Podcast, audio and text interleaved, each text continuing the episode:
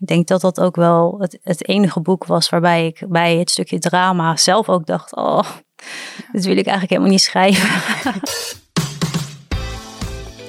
Je luistert naar Literatuur, een podcast over het allerleukste en liefste genre binnen het boekenvak: Feel Good. Mijn naam is Suzanne Musquet. Ik ben feelgood auteur en ik praat elke aflevering met iemand die iets met feelgood heeft. Want wat maakt dit genre nou zo leuk? Ik weet dat. Jij weet dat misschien ook. En mijn gast van deze aflevering weet dat zeker. Deze keer spreek ik met. Gillian King. Gillian King! Ja! Hallo. Hallo. Hoi, wat fijn dat je er bent. Na een hele wereldreis. Ja, zeker. Het was echt net alsof ik uh... halverwege Duitsland moest Ja. wezen. maar het ligt aan mij hoor, het ligt aan mij. Ligt het, het is niet, Deventer is niet heel ver, toch? Valt mee. Nee. Oké, ja, gelukkig. super fijn dat je, dat je er bent. Ik wil het graag met jou hebben over hoe het kan dat jij boeken schrijft waar iedereen altijd bij moet huilen. Ja, En ik Ja. weet niet hoe, hoe, hoe dat kan, maar dat gebeurt gewoon. Ja. vaak wel. Vaak wel? En- anders heb je gewoon geen hart, toch? Dat is het. Dat Ja. is de conclusie van Ja. deze aflevering. Anders heb je gewoon geen Ja. hart. Nee, daar, daar wil ik het graag met je over hebben, want je bent feelgood auteur. Eh, je hebt inmiddels... Hoeveel boeken heb jij inmiddels op je naam? Goeie vraag. Veel? Veel. Ja. Nee, volgens mij eh, negen. Ja, volgens mij ook. Ik had het Ja. op moeten zoeken, maar ik heb alleen naar je laatste Ja. boek. Nou ja, ik heb natuurlijk ook wel wat, weet je, van die bundels en zo, eh, waar dan een verhaal in staat, maar die tel ik gewoon niet mee. Oké. Ja. Dus dan. eh, Maar je bent op een gegeven moment ben jij namelijk een soort van andere route gaan nemen. Je bent begonnen met echt chicklets. En op een gegeven moment ben jij wat we nu bestempelen als real good. Real good. Gaan ja, ik heb gewoon een heel nieuw genre. Jij hebt een heel nieuw genre. Ja, dus Ja. hoe je dat gedaan hebt, waarom je dat gedaan hebt, daar willen we het, eh, wil ik het straks uitgebreid met je over hebben. Maar ik wil eerst eigenlijk wel heel graag van jou weten wat je eigenlijk met Feelgood hebt. En of jij dan misschien Een ode aan de feelgood. Of jij een ode aan de Feelgood zou willen brengen. Dat wil ik. Nou. Dat wil ik. Dan gaan we dat gewoon doen. Ik ga een muziekje voor je instarten. Een ode aan de feelgood. Eén bladzijde lezen wordt één hoofdstuk. Eén hoofdstuk wordt het halve boek. Niet ontsnappen uit de werkelijkheid, maar je volledig onderdompelen in die werkelijkheid. Want het leven is niet alleen maar mooi. En het vinden van liefde is absoluut niet vanzelfsprekend. Onzekerheid, bedrog, jaloezie, verlies, maar ook aantrekkingskracht, verlangen, intense verliefdheid, twee levens die samensmelten, eeuwige trouw en liefde, altijd de liefde. Meelezen, meeleven, zwijmelen, af en toe een kleine traan. Natuurlijk krijg je als lezer het einde waar je op hoopt, maar net zoals in het echte leven is het geluk van de een soms het verdriet van de ander. Nou, nou is maar goed dat ik geen boeken voorlees. Wat mooi gezegd. Oh, wat ontzettend mooi gezegd. Ja, dit is ook wel een beetje gewoon hoe jouw boeken in elkaar steken. Ja. Ja, ik dacht ook van, eh, laat ik opschrijven wat ik zie als feel good. Ja, En het is denk ik niet hoe eh, misschien de meerderheid het ziet, maar voor mij is dat dan eigenlijk als ik feel good schrijf, is dit een beetje hoe ik het dan voor me zie. Ja, is natuurlijk ook heel, heel breed. Want we hadden het net inderdaad even over, over chicklit. En het is eigenlijk een heel spectrum van, van echt de, de, de, de ouderwetse, goede oude chicklit, zeg maar hoe het is. Versus hoe we nu eigenlijk zitten met Feelgood. Waar echt heel mooie, mooie verhalen, mooie diepgang in mag zitten. En waar je toch aan het eind van het boek denkt, ah, hier heb ik echt heel erg van genoten. Ja, klopt. Ehm, ik denk inderdaad dat er best wel veel veranderd is hè, in de loop der jaren. Je begon natuurlijk heel erg met, eh, met Sophie Kinsella. En dan draaide het natuurlijk heel erg om die humor. En ehm, ja, vooral niet te zwaar en luchtig. Er stond dus op de voorkant van, eh van Shopaholic stond een, een, eh, een quote met eindelijk een boek dat net zo leuk is als shoppen. en toen dacht ik, Ja. oh ja, oké, dit is inderdaad wel... En ik snap, ik snap heel erg, Ja. maar dat was wel heel erg, zeg maar, voor, voor de vrouw, voor de, nou ja, echt de, ja, Ja, voor het jonge meisje. ja precies. De, de, chicklit, zeg maar, ja. ja, ja. En die groei, jij, jij bent ook op die manier begonnen. Ja, zeker. En, ehm, maar je bent op een gegeven moment ben je dus inderdaad een, een zijpad ingegaan. Maar, of zijpad, een andere route gekozen, laat ik het zo zeggen. Maar als we het eerst even hebben over jouw eerste boek. Geloof me maar. Ja. Verscheen in 2011. Uh, dat is inmiddels alweer een tijdje geleden. Maar jij bent begonnen met schrijven tijdens je zwangerschapsverlof, klopt dat? Ja, klopt. ja, dat was een. Uh, ja, ik, uh, ik heb best wel altijd een heel druk leven gehad. Want uh, tijdens mijn. Nu niet meer. Ja. Je hebt nu een super druk. nou, maar daar komen ze op. Tijdens mijn studie, eigenlijk in het laatste jaar, ik studeerde pedagogische wetenschappen. En toen kreeg ik eigenlijk het aanbod om een praktijk over te nemen. Want die mensen gingen met pensioen. Ja, moest ik doen natuurlijk. Ja, maar tijdens je studie Tijdens mijn studie, ja, Want ik liep stage en uh, zij gingen met pensioen. En zij hadden echt zoiets van, ja, we zoeken iemand om, om dit over te nemen. Wil jij dit doen? Dacht ik, wil ik dat? Ja, goede vraag. Wil je ja. dat? Ja. Uh, ja, dat wilde ik. Maar ja, ik vond het echt super spannend. Want uh, nou ja, A, ik moest echt ergens een vet bedrag lenen om dat te kunnen doen.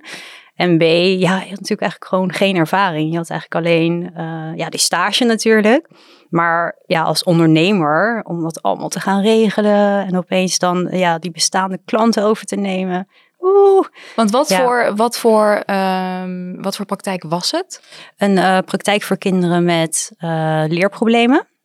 En in de loop der jaren is dat eigenlijk ook uitgegroeid naar um, ja, meer ook ontwikkelingsproblemen. Dus uh, ook bijvoorbeeld leerlingen met autisme of ADHD. Um, ehm, begeleiding en diagnostiek doen we dan. Mm -hmm. Ja, dus dat is best wel uh, intens wel af en toe om, uh, ja, om dat een beetje te combineren met het schrijven. Um, maar ja, dus ik had dus op jonge leeftijd een praktijk. En ik ging ook in hetzelfde jaar ging ik uh, trouwen. Oké, oké. Ja, dus ik had ook helemaal geen tijd om, uh, om te gaan richten op het schrijven. En hoe, hoe oud was je toen? 25. Jonkie. ja, en eigenlijk toen ik 30 was, toen was ik dus zwanger van, uh, van Julius, van mijn zoon. En uh, uh, na de bevalling was het voor mij een soort van rustmomentje. Klinkt heel gek misschien, maar ik was zo jarenlang alleen maar aan het werken, aan het werken, aan het werken. En opeens had ik verlof. En toen dacht ik, wow, wat vrij. Wat ga ik eens doen met al deze tijd? ja, en toen ging het ook heel goed met de praktijk. En ik had dus uh, op dat moment dus twee kinderen. Ja, nu nog steeds trouwens. en ja, ik had een beetje zo'n gevoel van, oké, weet je, het is allemaal op de rails. Ik kan nu me gaan richten op iets anders. En toen ja, dacht ik terug aan vroeger dat ik het zo leuk vond om te schrijven. Nee, maar ik wilde absoluut geen schrijver worden hoor. Absoluut niet. nee, nee. Ik wilde gewoon een boek schrijven voor, voor mij, voor mezelf. En dat ik gewoon een beetje van mijn bucketlist kon, kon afstrepen van ik heb een boek geschreven. ja. ja, en dat was het. En nu zit ik hier. Ik weet ook niet hoe ik hier kom. hoe is dit gebeurd? Hoe is dit? Uh, Want hoe ben jij toen? Want een, een boek schrijven versus op een gegeven moment dat die uitgegeven wordt en nou ja, dat er dan een volgende boek komt enzovoort. Het, het duurt ook nog even voordat dat is, is gebeurd. Hoe ben jij, ben jij ontdekt? Heb je hem gewoon opgestuurd? Hoe is dat? Ja, nou, ik was dus aan het schrijven en ik wist eigenlijk niet eens wat ik ging schrijven. Omdat ik, eh, ik kende ook het genre chicklit eigenlijk helemaal niet echt, omdat ik... Um, ja, helemaal niet echt zo thuis was in al die verschillende ja, genres die je had. En um, toen zag ik opeens voorbij komen de chicklit.nl schrijfwedstrijd. En dan was ik zo aan het lezen van wat het dan inhield. En toen dacht ik, oh, Misschien is dat wel wat ik aan het schrijven. Ik denk dat ik een chicklit aan het schrijven ben. Oh, maar ja. dat is grappig hoe dat zo gelopen is. Ja, en toen uh, uh, dacht ik, nou weet je, ik ga hem gewoon insturen en kijken wat er gebeurt. En toen belandde ik dus op de, op de longlist, was dat de beste tien. dacht ik, wow, dat is best wel goed. Okay. Kan best wel, ik, ik kan ook schrijven. dat gaat best lekker, ja. Dus zo ben ik eigenlijk op het idee gekomen van, nou, misschien moet ik er nog een beetje wat aan schaven en dan opsturen naar een, uh, naar een uitgever. En dat heb ik gedaan, want het was zomer een koning. En uh, nou ja, nu... Uh, en toen kwam nu... ja, nu ben ik negen boeken verder. Ja, jeetje. Je hebt ne echt negen, ja, negen boeken. Ja, het kunnen er ook acht zijn, maar... Nee, maar in ieder geval, het zijn er, het zijn er veel, laten we het zo zeggen. We zijn inmiddels, de eerste was in 2011, we zijn nu eh, twaalf jaar verder. En je hebt dus eigenlijk elk jaar, anderhalf jaar wel een boek uitgebracht. Nou, ik heb een, uh, een uh, pauze gehad van maar liefst vier jaar. Dan heb je niet elke jaar echt een pauze van vier ja, jaar? Want ik schreef uh, alles of niets. En ehm, ik was eigenlijk een beetje ongelukkig met, met, dat boek. Omdat ik toen eigenlijk van binnen heel erg voelde van...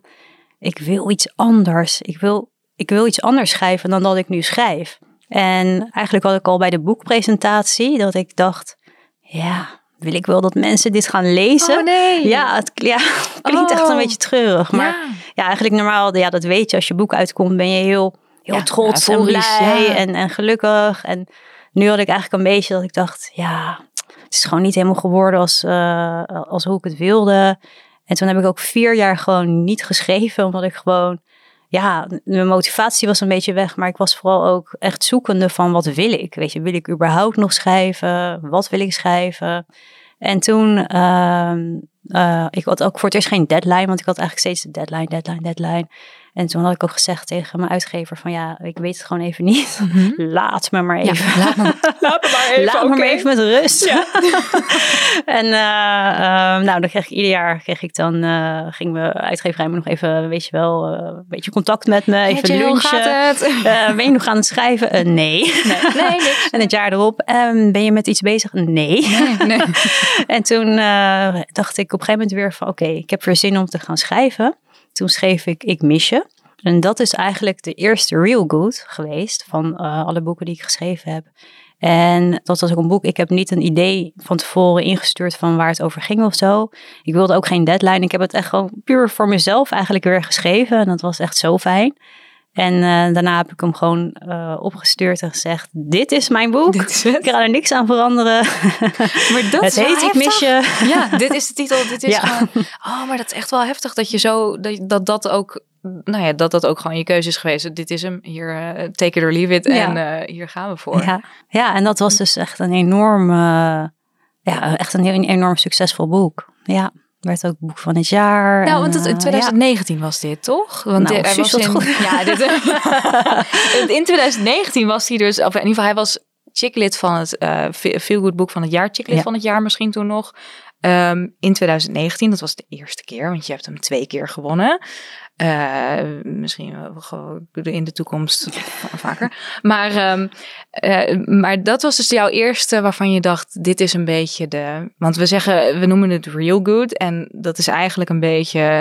Heeft, heeft Lisanne heeft dat verzonnen. Lisanne, ja, ja, ja. Onze redacteur Lisanne Matthijs. Lisanne, bedankt voor deze term. Die, uh, en, en dan wordt het eigenlijk een beetje bestempeld als realistische feel good. Daar is het een samentrekking van. Maar als ik dus even kijk wat er dan in jouw bio op, uh, op alle websites en zo staat, dan staat er dus dat Real Good een combinatie van herkenbare emotionele gebeurtenissen, levensechte personages en een diepere maatschappelijk geëngageerde laag. Wow. Dit nou, is uh, wel een beetje druk hoor als ik dat lees.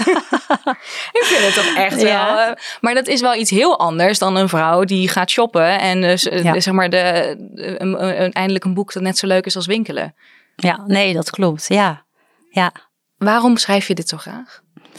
Uh, ja, ik denk dat ik uh, ja, soms ook wel weer vind dat als je veel goed leest, uh, waar ik ook heel erg van kan genieten hoor, maar dat dan de hoofdpersonen soms ehm, te, ja, hoe zou ik dat zeggen, ze zijn of goed of slecht. Mhm. Dat is wel een beetje overdreven hoe ik dat dan nu neerzet, maar ik heb zelf dat ik vaak vind van ja, dat, dat een persoon ook meerdere kanten kan hebben. En niet alleen maar goed of alleen maar slecht is. En ik vind het ook wel mooi om um, ja, meer te schrijven over ja, de dingen in het leven die ook niet mooi zijn. Dus weet je, als je kijkt naar uh, uh, bijvoorbeeld bij mij in, in mijn omgeving, dan denk ik ja, er zijn best wel wat mensen die uit elkaar gaan omdat er een derde in het spel is, bijvoorbeeld. Ja. Uh, dat zijn wel hele reële thema's. Uh, verlies, uh, echtscheiding, weet je, dat soort thema's, dat is helemaal niet um, onrealistisch. En um, ja, ik vind dat best wel mooi om over te schrijven. Maar ik vind het ook heel leuk om over de liefde te schrijven. Dus het is een beetje die combinatie wat ik dan uh, mooi vond. Maar het was niet heel bewust dat ik dacht... wow, ik ga nu eventjes uh, iets heel maatschappelijks, ja. heel maatschappelijks neerzetten. en dat heb ik op zich nog steeds niet hoor. Het is niet als ik een boekidee uh, heb dat ik dan ga denken... nou, wat ga ik nu even voor maatschappelijks bedenken? waar, nee, hang, waar hang ik dit aan Nee, het is meer dat ik uh, soms bijvoorbeeld bij... Ik vergeet je niet dat ik keek naar die serie van het mooiste meisje van de klas. En um, toen ja, dacht ik, wow, dat is wel altijd wel heftig dat je dan zo perfect uh, leven lijkt te hebben. En, en je bent zo mooi en iedereen bewondert je, maar dan van binnen is er vaak ja, heel veel uh, onzekerheid of eh, dingen die er heel erg misgaan, wat je dan niet kan zien. En dat vond ik dus bijvoorbeeld een heel mooi uitgangspunt om, om daar een roman omheen te bouwen. Ehm, ja, en, en bijvoorbeeld in mijn laatste roman Belofte maakt schuld was het een krantenartikel. Dus ik, ik kom soms op, op ideeën ehm, ja, uit het leven gegrepen eigenlijk. Maar ehm, ik vind die mix vooral heel erg mooi. Haal je dan ook, ehm, het zal nooit één op één zo zijn dat je, dat je het uit je eigen praktijk haalt, maar je hebt een praktijk waarbij ook maatschappelijke thema's, eh, kinderen met leerproblemen, faalangst, is dat ook iets wat jou inspireert? Ehm, ja, nou ik denk vooral de, de zorg die ouders kunnen hebben over hun kind. Dat is natuurlijk wel iets wat je dagelijks ziet.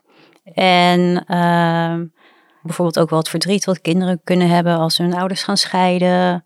Of ehm, ja, de prestatiedruk bijvoorbeeld. We hebben, ik heb ook best wel uh, bijvoorbeeld ouders bij mij op de praktijk die heel veel verlangen van hun kind. Uh, dus dat was natuurlijk bij Ik Vergeet Je Niet natuurlijk ook wel een thema, die prestatiedruk. Dus je pikt er wel natuurlijk elementen uh, uit. Ja. Maar het zal dus nooit, het zal nooit zo zijn dat jij een roman uitbrengt waarvan op een gegeven moment uh, ouders bij jou op de stoep staan en zeggen: eh, Is dit op onze situatie gebaseerd? Nee, nee. Ik moet wel een beetje uh, oppassen met namen soms. Oké. ik ben sowieso heel slecht in namen. Ik moet altijd ik moet echt altijd bij een nieuw boek, moet ik zoeken in mijn oude boeken of ik die naam al gebruikt heb. Omdat ik gewoon, ik kan het niet onthouden of zo. En dan heb ik een naam en denk ik, oh die is leuk. En dan ga ik kijken, oh die heb ik al gebruikt. maar dan dus ook voor bijpersonages, dus heb je dan nog een soort, want ik heb inderdaad ook een, een, een lijstje met alle namen die ik gebruikt heb. En dan denk ik, hoofdpersonages sowieso niet. Maar als er een keer iemand heel ver op de achtergrond voorbij is gekomen, dat vind ik wel slim, een lijstje. Ja, ja. zou ik wel... Uh... Maar jij bent ook van de lijstjes, Suus. Ik ben, van de ben ook wel van de lijstjes. Ja. Overal lijstjes van. Ja. ja. Maar als we het dus inderdaad um, even over, jou, over jouw laatste boek bijvoorbeeld hebben. Belofte maakt schuld. Wil je vertellen waar die over gaat? Um, ja. Moet ik even kijken dat ik geen spoiler geef. Ja, precies, dat is belangrijk. nee, het, gaat, uh, het draait in principe om, uh, om Hanna. En we lezen het verhaal van Hanna uit het verleden en het heden. En in het verleden uh, krijgt zij een relatie met Jamie. En Jamie en Hannah zijn dan nog rond de 16. En uh, Jamie is heel erg getalenteerd en heel erg goed in rugby. En die krijgt op een gegeven moment ook een, een aanbod om eigenlijk te gaan uh, rugbyen in Engeland. Hij wordt gescout. Maar uh, Hanna die is zwanger van hem geraakt. En het verhaal begint eigenlijk ook met dat hij haar in de steek laat en achterlaat. En um, ja, je leest dan in het verleden eigenlijk heel de verhaallijn van Hanna en Jamie. En ook de thuissituatie van Hanna, die ook niet super fijn is. En in het heden um, hebben we Hanna, die dus al een stuk ouder is en een zoon heeft. En zoon Sam, die weet niet wie zijn vader is en die komt daarachter. En die ziet dan, hé, hey, mijn vader is een beroemde rugbyspeler. Ik wil hem gaan ontmoeten. Sam is ook een beetje, echt een beetje een ontspoorde puber eigenlijk. En uh, hij gaat naar, uh, hij wil naar Engeland. En Hanna heeft zoiets van, oké, weet je, ik ga met je mee. Ze wil het eigenlijk niet, maar ze doet het toch. Het en, is wel zijn vader. Ja, het is zijn vader. En um, dan hebben we eigenlijk de verhaallijn in het heden. Hoe dat gaat als ze elkaar weer zien. En um, meer kan ik niet verklappen. Nou, voor de rest is het, uh, ja, lees het boek maar. Um, maar ook dat is namelijk inderdaad wel een... Ik heb, ik heb hem voorgelezen. Ik heb er ontzettend van genoten tijdens het voorlezen. Ik heb op een gegeven moment heel even mijn opname stop moeten zetten, omdat ik even een brok in mijn keel kreeg. Hoe, hoe doe jij dat? Begin jij gewoon met het, met het idee, ik ga nu even lekker een boek schrijven waarbij mensen hartstikke hard gaan huilen? Of groeit dat gewoon naarmate je steeds meer begint te schrijven over dit soort thema's en daar horen ook de donkere kanten bij en dat het heel natuurlijk gaat? Hoe, hoe doe je dat? Ja, eigenlijk wel het laatste. Um, ik vind zelf altijd heel belangrijk en ik hoop dat dat me ook lukt om een mooie balans te vinden tussen uh, dat het humor is, dat uh, heeft en dat het gaat om de liefde, maar dus ook ja, die, die, die schaduwkant eigenlijk van het leven. Maar dat het niet gaat alleen om de drama. Ik, ik haat het zelf eigenlijk een beetje soms als drama heel erg wordt uitgemolken in een boek. ik wil niemand beledigen. Maar, nee, maar dat het de uh, verhaallijn is. Het, de, de, er moet heel veel drama in zitten. Want ja, en dat, je de, en dat je inderdaad een beetje probeert te scoren op emotie. Ja. Dat probeer ik zelf niet te doen. Um, ik probeer Weet je, dus, dus, ja, soms uh, lijkt het misschien dat je graag wil dat lezers huilen of zo, maar dat is niet, dat is niet mijn doel. Ik wil eigenlijk gewoon een mooi verhaal neerzetten. En natuurlijk is, is het heel erg een compliment voor mij als je mensen daadwerkelijk weet te raken. Maar ja, ik wil ze net zo goed ook een goed gevoel geven. En dat ze uh, ja, met een fijn gevoel dichtslaan en daar ook om kunnen lachen. Dus die balans vind ik wel heel belangrijk. Er zit wel een, uh, een inderdaad, eigenlijk in al jouw boeken zitten dan dus ook weer wat, wat luchtigere lijntjes. Want onder andere dus in jouw laatste belofte maakt schuld. Daar zit ook de luchtigere lijn in dat Jamie ook wel een hele knappe manager heeft. Ja. Waarvan Hannah dan misschien een beetje knikken in de knieën krijgt. En waarvan je denkt, oh, wat gaat, uh, hoe zit het met hem?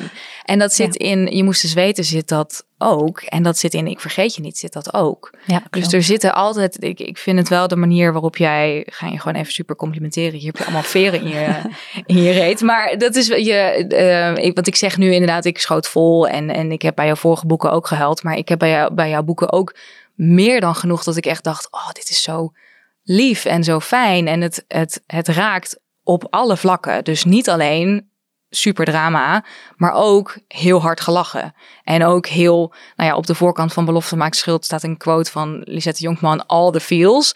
Dat is het ook echt. Je raakt echt aan al die, nou ja, al die emoties. Nou, ik ga zo met een heel fijn gevoel terug naar Den Haag. Nou ja, nee, maar dat is heel, dan, heel graag gedaan. Maar dat is, ik hoop dat je nog kunt zitten van al die.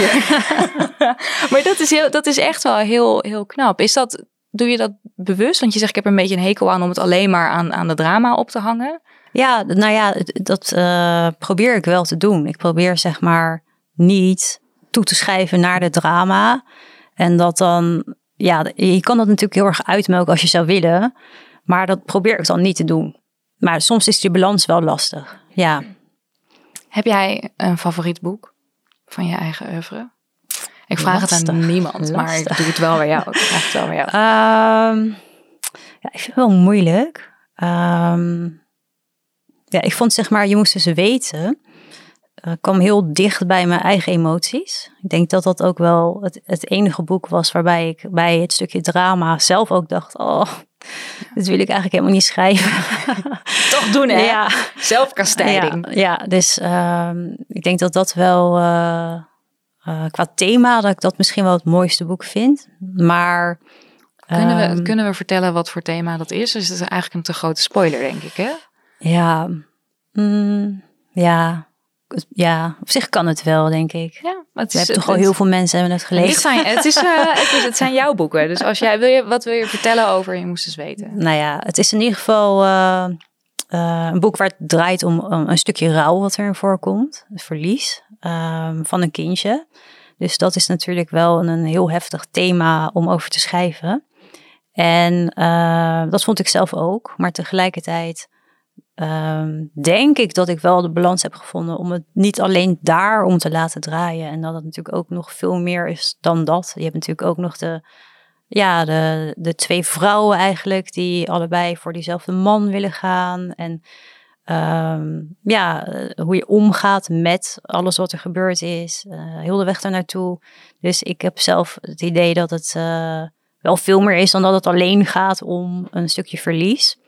Maar ja, ik vond dat wel, ik vond dat zelf wel echt wel een moeilijk stukje om, om te schrijven.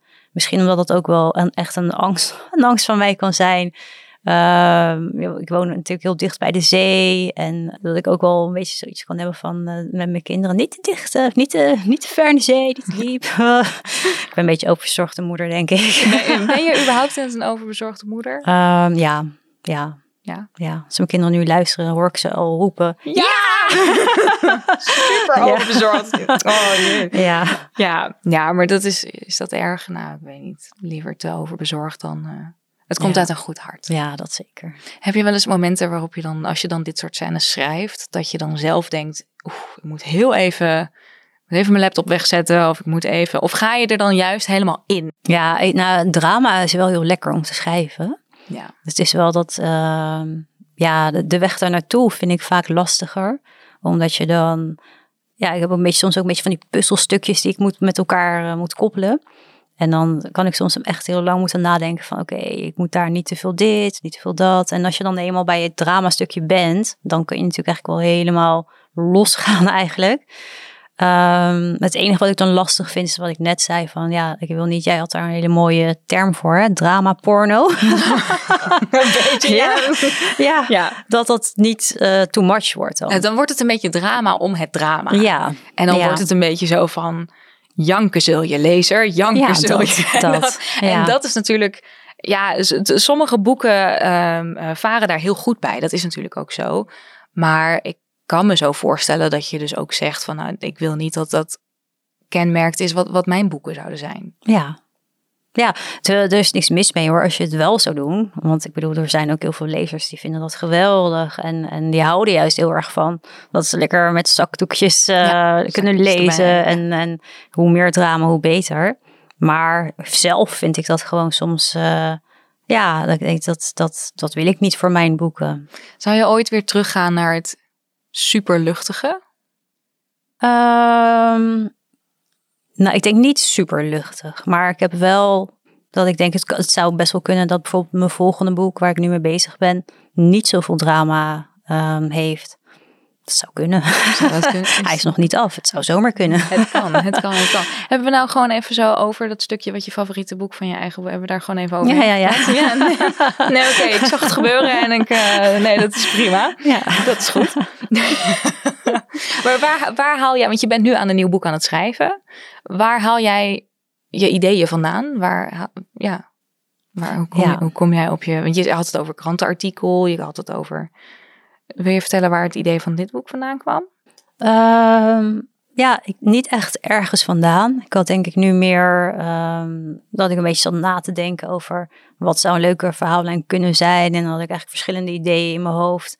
En dat ik bij deze dacht, ja, dit kan best wel leuk worden. Maar ehm, vaak heb ik wel dat ik iets op tv of zo kan zien wat me triggert.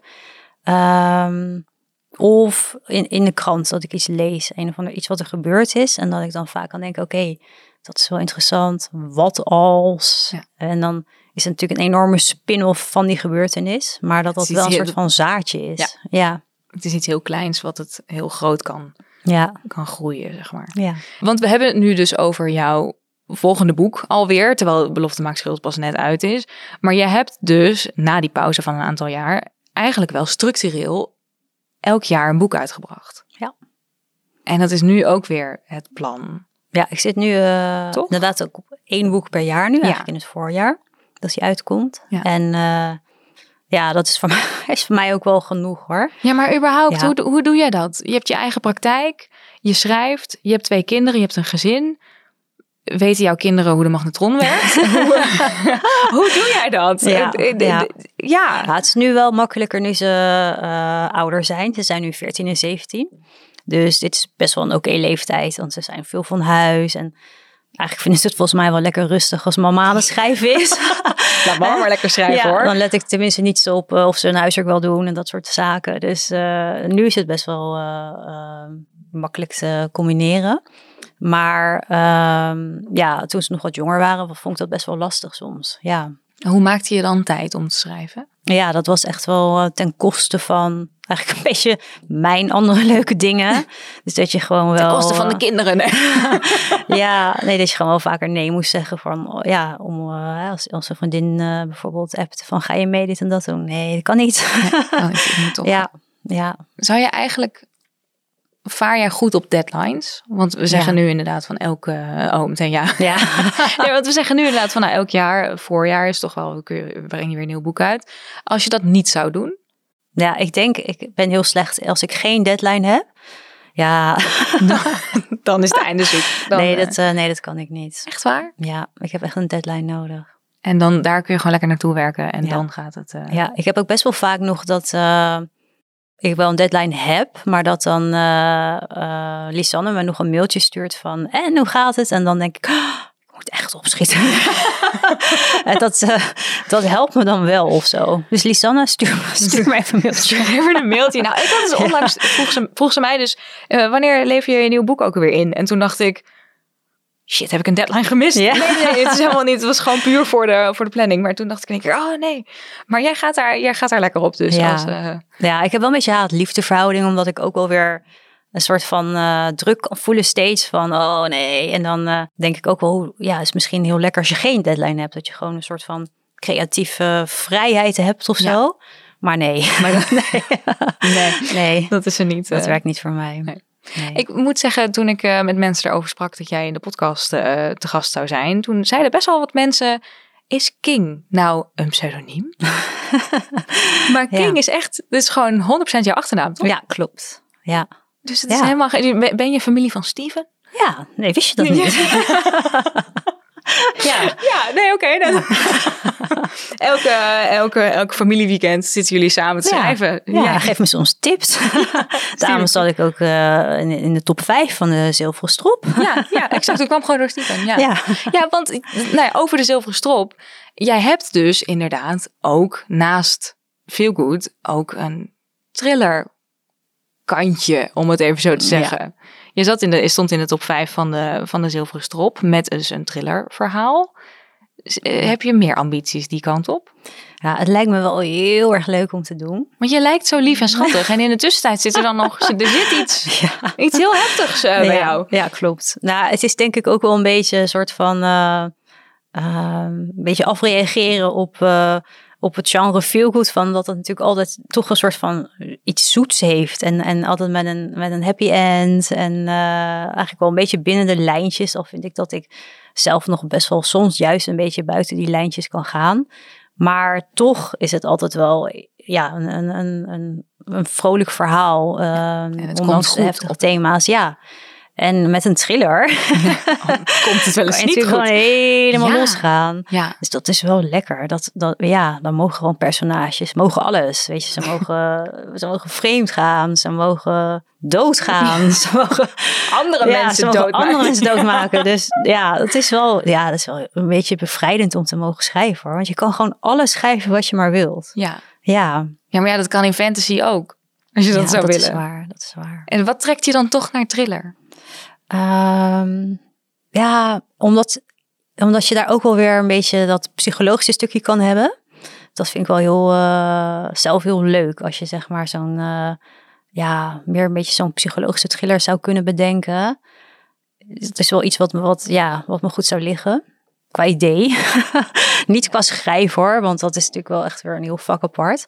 Maar om iets te bedenken, zou dat me wel kunnen liggen. En richting de dark romance dan?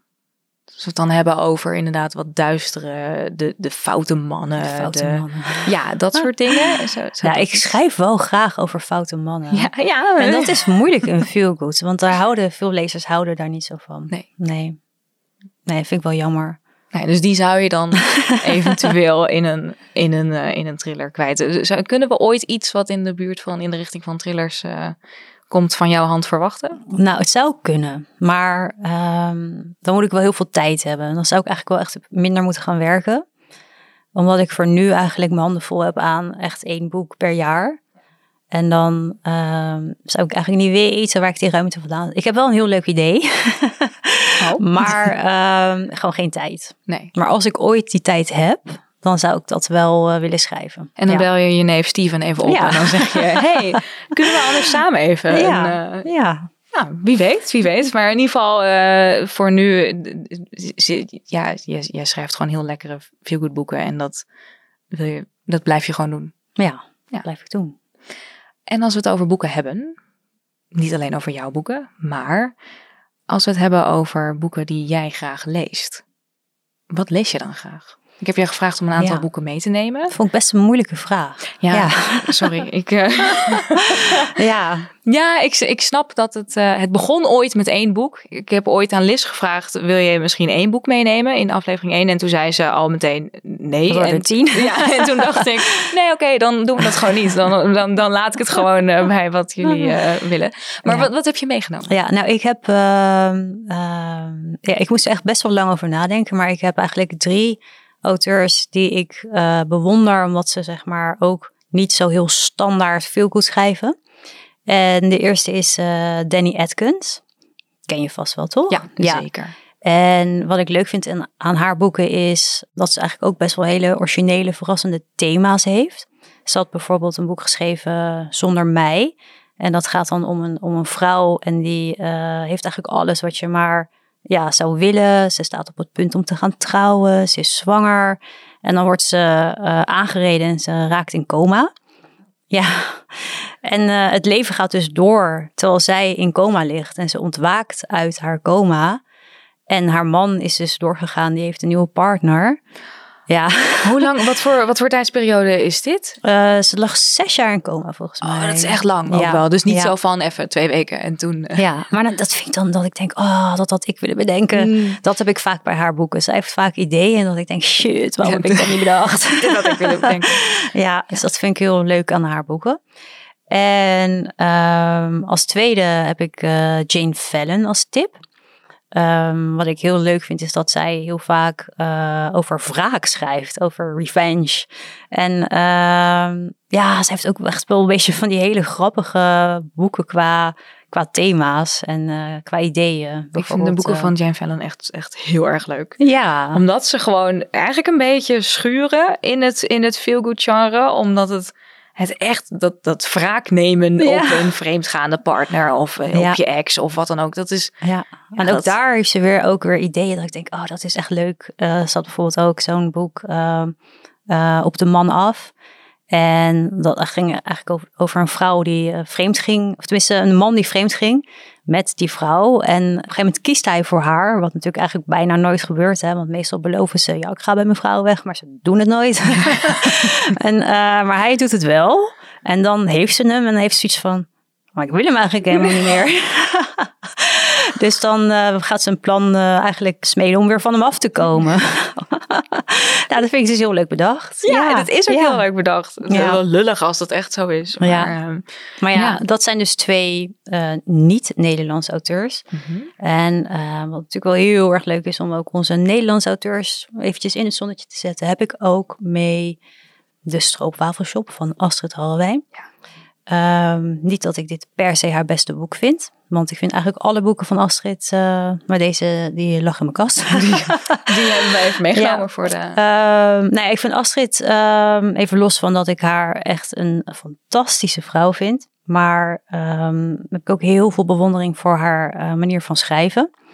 Ik vind haar echt heel ja, sterk in, in haar ideeën. Omdat ze juist ook heel erg afwijkt van wat je natuurlijk vaak hebt. Van man, vrouw. En die, ja, die komen in de problemen. En aan het einde komt het weer goed. Dat is eigenlijk een beetje waar 90% van de feelgoods eh ja, om draait. heel vaak een liefdeslijn ook Een liefdeslijn. Ja. Ja, ja, ja. En ehm, ja, dat heeft zij dus eigenlijk zelden. Want bij haar draait het om zoveel andere dingen. En zij heeft zoveel grappige ideeën. En, en ehm, eh, waar liefde eigenlijk helemaal niet die grote rol in neemt. En, en toch is het veel goed. Ehm al houdt zij zelf helemaal niet zo van die term veel goed. maar als het wij vinden het wel veel goed. Ja, wel. Nou ja, maar ik heb dus inderdaad een keer eh, eh, gelezen, iemand iets horen zeggen over ehm, dat het dus friends fiction Ja. zou zijn Ja. wat zij schrijft. Omdat het dus ook heel veel over vriendschappen gaat. En over, en dat is onder andere natuurlijk in de stroopwafelshop, ehm, dat ze naar New York vertrekt om een stroopwafelshop te beginnen. Maar dan is het onder andere dat ze dus zo'n stamtafel voorin heeft, waar dan allemaal mensen komen te zitten en dan die vriendschappen binnen de buurt. Dat is heel leuk om over te lezen, omdat daar dan heb je hele karakteristieke mensen die samenkomen. En dan is de liefdeslijn is helemaal niet ja de klopt. hoofdlijn daarvan. Ja, en ook heel vaak eh, ja, een beetje over de, de, de keuzes in het leven waar ze over kan schrijven. En eh, op zo'n leuke manier. Ik vind haar humor ook echt zo leuk. Dus ehm, ja, ik denk dat dat wel eigenlijk drie auteurs zijn die niet zo heel standaard veel goed schrijven. En daar hou ik dus eigenlijk ook wel eh, van. Ja, alle drie met echt hun eigen stem. Ja, Ja, lekker. Goeie tips, Ja. goede tips. Nee, ik ben inderdaad ook eh, alle drie. Ik heb van Danny Atkins heel weinig gelezen. Van Nou, je moet Fallon even zonder mij gaan lezen. Zonder mij van, ja. ja. Ja. Dus die, eh, die inderdaad, ja, van Astrid ook, ja. Astrid, als je luistert, wil je een keer te gast zijn in literatuur. Dan eh, kunnen we het lekker over je boeken hebben. Ehm, maar als we het over, eh, nog meer over, eh, nog meer boeken, dan heb ik natuurlijk ook altijd...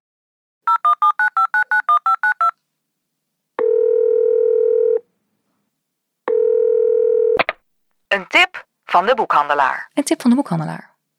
En de tip van deze aflevering komt van een hele leuke boekhandelaar. En dat is niet zomaar, Want die komt van Evelien van Boekhandel Paagman. Oh, mijn favoriete boekhandel. Dat is jouw favoriet, toch? Ja. Ja. Ik bedoel, nou ja, je woont in Den Haag. Eh, ik geloof dat het in Den Haag is het De Paag, volgens mij. Eh, Ja, de paag. De Paag. De paag op de fret. De Paag op de- dat is toch heerlijk? Ja, dat is toch... Nou ja, dus van, van Boekhandel Paagman. En de- nee, nee, dat is niet zomaar, want jij en ik en Chantal van Gastel en Vanessa Tuins en Marijke Vos zijn, als deze aflevering verschijnt, morgen ehm, te gast bij Boekhandel Paagman in Leidschendam. Niet in Den Haag, dus niet dat mensen in één keer in Den Haag staan. Maar voor het Paagman Feel Good Festival in, eh in Leidschendam in the Mall of the Netherlands. Ja, het Ehm, grootste winkelcentrum van Nederland. Ja, dat is een heel mooi... Kom je, kom je daar wel eens vanuit Den Haag? Ja, best wel vaak. Lekker, Ja, lekker shoppen. lekker shoppen. dat doen vrouwen graag, Dat doen vrouwen graag. lezen. En dan ook altijd eventjes naar de Paag. Nou ja, dus daar zijn wij dus op zaterdag 13 mei. eh, zaterdagavond van 6 tot 9. In de Westfield Mall of the Netherlands. Maar voordat we daar ehm, naartoe gaan, wil ik eerst graag nog even de tip delen van. eh, van want hij komt van Evelien. En eh, nou, laten we gewoon even luisteren. Hoi, ik ben Evelien van Boekhandel Paagman in Den Haag. En ik heb de perfecte feel-good tip om jullie zomer of nou lente mee af te trappen. Het is namelijk het stranddagboek van Emily Henry. En daarin eh, leren January en Gus elkaar kennen. Of althans, ze komen elkaar opnieuw tegen in een klein strandplaatsje... waar ze allebei naast elkaar in een strandhuisje belanden om hun boeken af te maken. Want eigenlijk struggelen allebei met writersblok. En waar January eh, feel good chick lit happy ending boeken schrijft, is Gus meer van eh, literaire problematische fictie waarin vooral veel mensen doodgaan en ellende hebben. En ja, hierin proberen ze elkaar te helpen. Eh, maar goed, ondertussen worden ze natuurlijk ook heel langzaam een beetje verliefd. En gaan ze van toch een beetje rivalen, want ze kennen elkaar ook van college. Langzaam naar geliefden met heel veel zomers geflirt. En eh, ja, het is gewoon een heel erg vrolijk en fijn feel-good boek... waarin nou, schrijven centraal staat, maar waar ook zeker ruimte is voor wat zwaardere thema's... eh, Zoals verlies en eh, ja, gecompliceerde ouderrelaties. En ja, misschien het schrijverschap en competitie. Eh, nou, een ontzettend mooi romantisch feel-good verhaal... wat ik echt iedereen kan aanraden. Het stranddagboek van Emily Henry. Doeg! Heb jij die ooit gelezen, Stranddagboek, Emily Henry? Nee, ik heb er zelfs nog nooit van gehoord. Echt waar Ja, dus ik ben blij met deze tip. Ja, nou, Het is, ik, ik, ik heb hem dus wel gelezen toen hij, dus, eh, toen hij net uit was. En het is echt een heel, het is een heel mooi, heel fijn boek. En ik heb inderdaad het idee dat hij nog niet echt... Ja, Emily Henry is nu op TikTok heel groot aan het, eh, aan het gaan. Ehm, in het Engels is het Beach Read. En eh, hij is dus zelfs onlangs, of vorig jaar, of in ieder geval, hij is opnieuw uitgegeven in Nederland. Misschien dat je de nieuwe titel wel kent, toen Winter Zomer werd. Nee. Ook niet. Nee. Nou ja, maar dat is dus, want het was inderdaad stranddagboek, Beach Read. Ehm, en toen is hij dus opnieuw uitgegeven toen winter zomer werd. En toen dacht ik, huh? Maar de hoofdpersonages heten dus January en Augustus. Ik vind het wel een hele mooie titel trouwens. Augustus, dus winter zomer. Dus ik vind het, dat vind ik heel mooi gevonden. Dus nou ja, ehm, ik zou zeggen, zoek hem op. Of stranddagboek of toen winter zomer werd. Zelfde, zelfde verhaal. En ehm, ja, maar heb jij, jij hebt helemaal geen tijd om te lezen, denk ik, als ik jou zo Ik heb weinig, weinig tijd om te lezen. Ja, ik lees ehm, vooral in de vakanties. Dus ik heb eh, mijn afgelopen week zat ik lekker in Spanje. Oh, heerlijk. Dus dan heb ik veel gelezen. Maar ik heb eigenlijk dat ik heel het jaar een soort van denk, dat boek wil ik lezen en dat en dat en dat. En dat bewaar ik dan Voor tot mijn vakantie. vakanties. En dan ben ik in de vakanties alleen maar aan het lezen, aan het lezen. Ja, Wat heb jij afgelopen vakantie gelezen? Eh, nou ik heb eh, eh, de nieuwe Marijke gelezen. Nieuwe Marijke. Ja, alleen deel 1. nou ja, Want ik moest toch heel veel andere dingen lezen. Ja. Dus- Hallo. Ja, weet je, ik dacht, ik kan niet komt- drie Marijkes lezen. Natuurlijk, Dat is komt voor anderen. Komt in één keer met een trilogie. Daar, Ja. ja. ja. Nou, Ja, maar die vond ik heel erg leuk. Ja, ja. En ik heb, eh, ik heb ook een thriller gelezen. De Hulp. Oh ja. ja, Ja. van Ja. Frida McFadden. Ja, Dat is echt, die, die, die zat in het Bookchoice aanbod eh, van februari. En toen heb ik hem inderdaad ook, ook gelezen. En het was echt, ik vond het zo'n goed, er zitten plot twists in. Het is echt, een, ik vond het een heel goed boek. Ja. Ja, het zijn van die boeken dat je dan denkt, eh, waarom heb ik dat dan niet bedacht? Had ik het maar geschreven.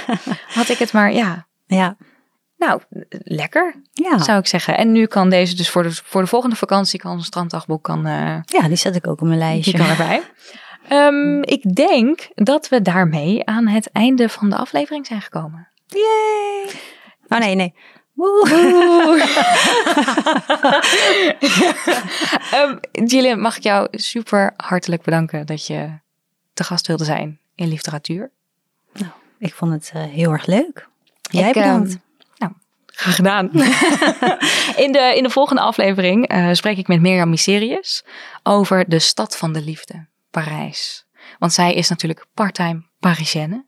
En eh, ze schrijft boeken over Parijs en over Frankrijk eigenlijk. En ik ben eigenlijk wel benieuwd waarom. Maar ik snap eigenlijk wel, maar toch ben ik benieuwd waarom. En eh, ja, jouw nieuwste boek speelt zich af in Engeland bijvoorbeeld. Zou je ooit willen schrijven over Parijs? Mm, niet per se. Dat laat ik aan Mirjam over. Heel goed, heel goed. Kunnen we komend jaar weer een boek van jou verwachten? Ja? Ehm, ja, in het voorjaar. het voorjaar. Als ik hem eh, af heb.